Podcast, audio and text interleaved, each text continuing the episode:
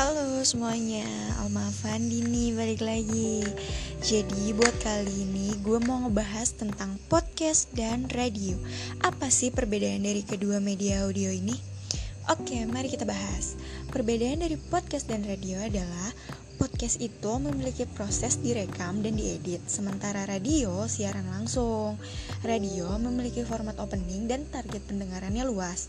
Sementara podcast memiliki format yang bebas, bisa didengar kapan pun karena dapat diunduh dan targetnya lebih sempit.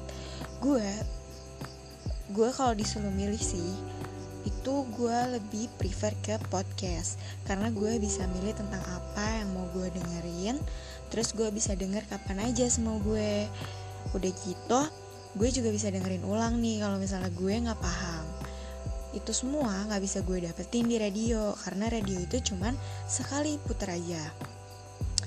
Ya kurang lebih gitu sih tentang radio dan podcast gue kali ini. Uh, kalau menurut kalian gimana? Terima kasih ya BTW yang udah dengerin sampai akhir. See you guys, bye bye.